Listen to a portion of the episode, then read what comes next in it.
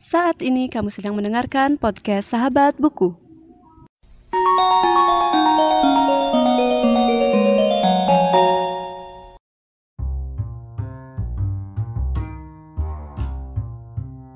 It is a truth, universally acknowledged, that a single man in possession of a good fortune must be in a want of a wife.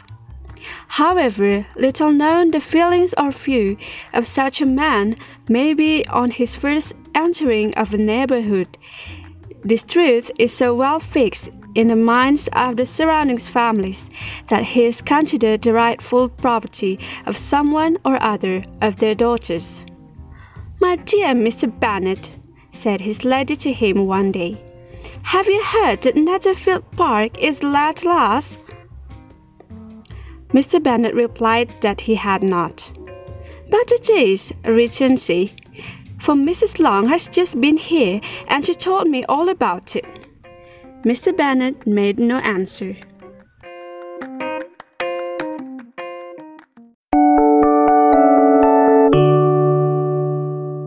Halo semuanya dan selamat datang di podcast Sahabat Buku. Dan pada episode kali ini aku akan membahas satu buku yang merupakan novel dari Jane Austen yaitu Pride and Prejudice. Dan aku beli bukunya sekitar setahun atau dua tahun yang lalu, aku nggak terlalu ingat. Dan buku yang aku beli itu berbahasa Inggris yang merupakan uh, terbitan Gramedia Pustaka Utama yang dilabelin English Classic. Oke, jadi tanpa berlama-lama kita lanjut ke sinopsisnya. Oke, yang pertama aku bakal cerita tentang sedikit sinopsis dari novel ini yang diawali oleh keluarga Bennett yang tinggal di Longbourn.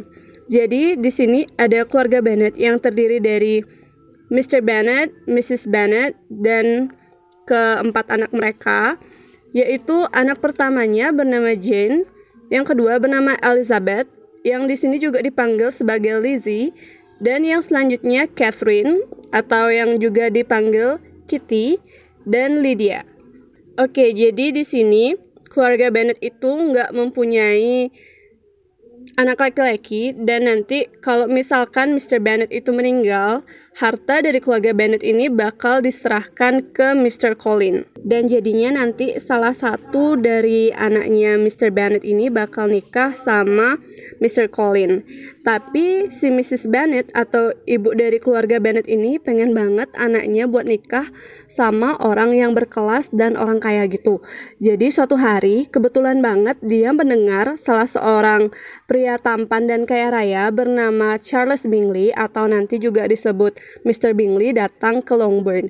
Dan akhirnya nanti bakal ada satu pesta di mana si Mr. Bingley ini uh, mau berdansa dengan Jane Bennet, yaitu saudara tertua dari keluarga Bennet. Di saat yang sama, Elizabeth atau Lizzie disuruh berdansa dengan Mr. Darcy, tapi Mr. Darcy itu nggak mau uh, berdansa sama dia karena dibilang dia tuh cukup cantik tapi kayak menurut Mr. Darcy tuh nggak nggak menarik banget gitu loh kayak nggak terlalu menarik gitu nah dari pesta dansa ini nanti bakal merembet ada masalah-masalah yang uh, bisa dibilang makin membuat ceritanya seru dan juga um, ada perselisihan gitu nggak cuma sekedar tentang percintaan tapi juga mungkin bisa dibilang masalah kayak kelas sosial gitu. Oke, kita lanjut ke review dan juga cerita dari aku pribadi.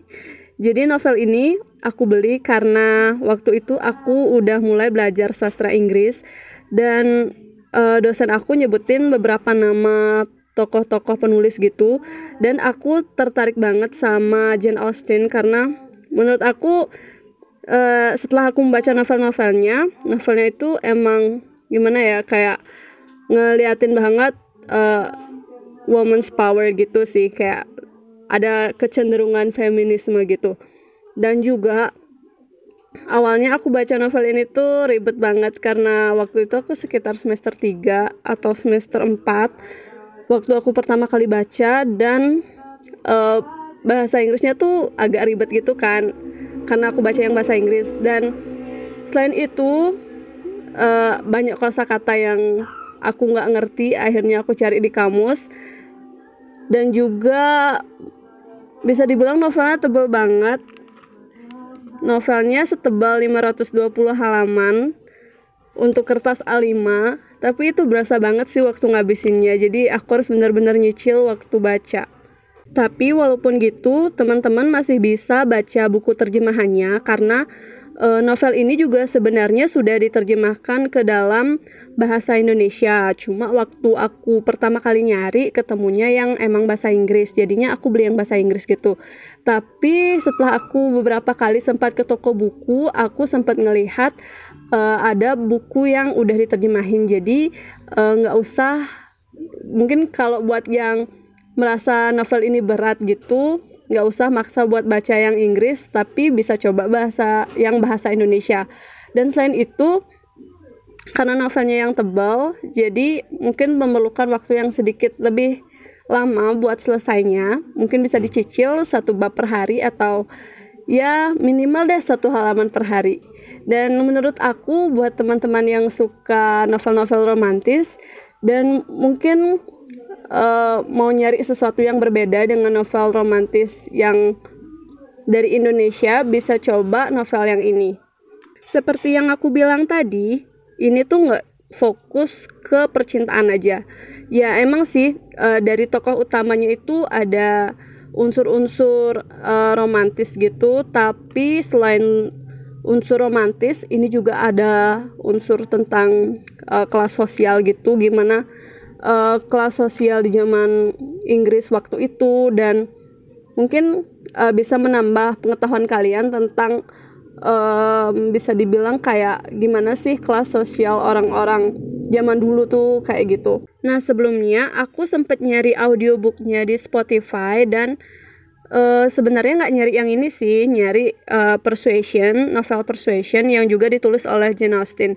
Nah, buat teman-teman yang mungkin suka baca sambil denger itu bisa nyoba juga nyari di Spotify audiobook dari uh, Pride and Prejudice. Siapa tahu masih ada gitu. Dan selain di Spotify, kalian juga bisa mendengarkan audiobook itu di Fox. Aku sempat denger juga beberapa waktu yang lalu dan uh, menurut aku itu salah satu audiobook yang emang enak didengar gitu apalagi buat yang baru belajar bahasa Inggris jadi bisa sekalian belajar dan juga ngejalanin hobi membaca atau nyoba bacaan-bacaan yang baru. Secara keseluruhan, aku suka sama novelnya karena ceritanya yang menarik dan walaupun novelnya cukup tebal, sekitar 500-an halaman, tapi menurut aku tetap aja uh, aku lebih fokus ke ceritanya. Jadi kalau udah baca itu nggak bakal terlalu terasa uh, tebal dari novelnya. Jadi segitu dulu untuk episode kali ini. Terima kasih sudah mendengarkan dan jangan lupa untuk follow podcast Sahabat Buku di Instagram dan juga Twitter dan kita juga ada channel di YouTube. Jadi tinggal ketik Sahabat Buku dan kalian bakal nemuin uh, podcast ini di platform podcast dan juga di YouTube. Jadi, sampai jumpa di episode selanjutnya.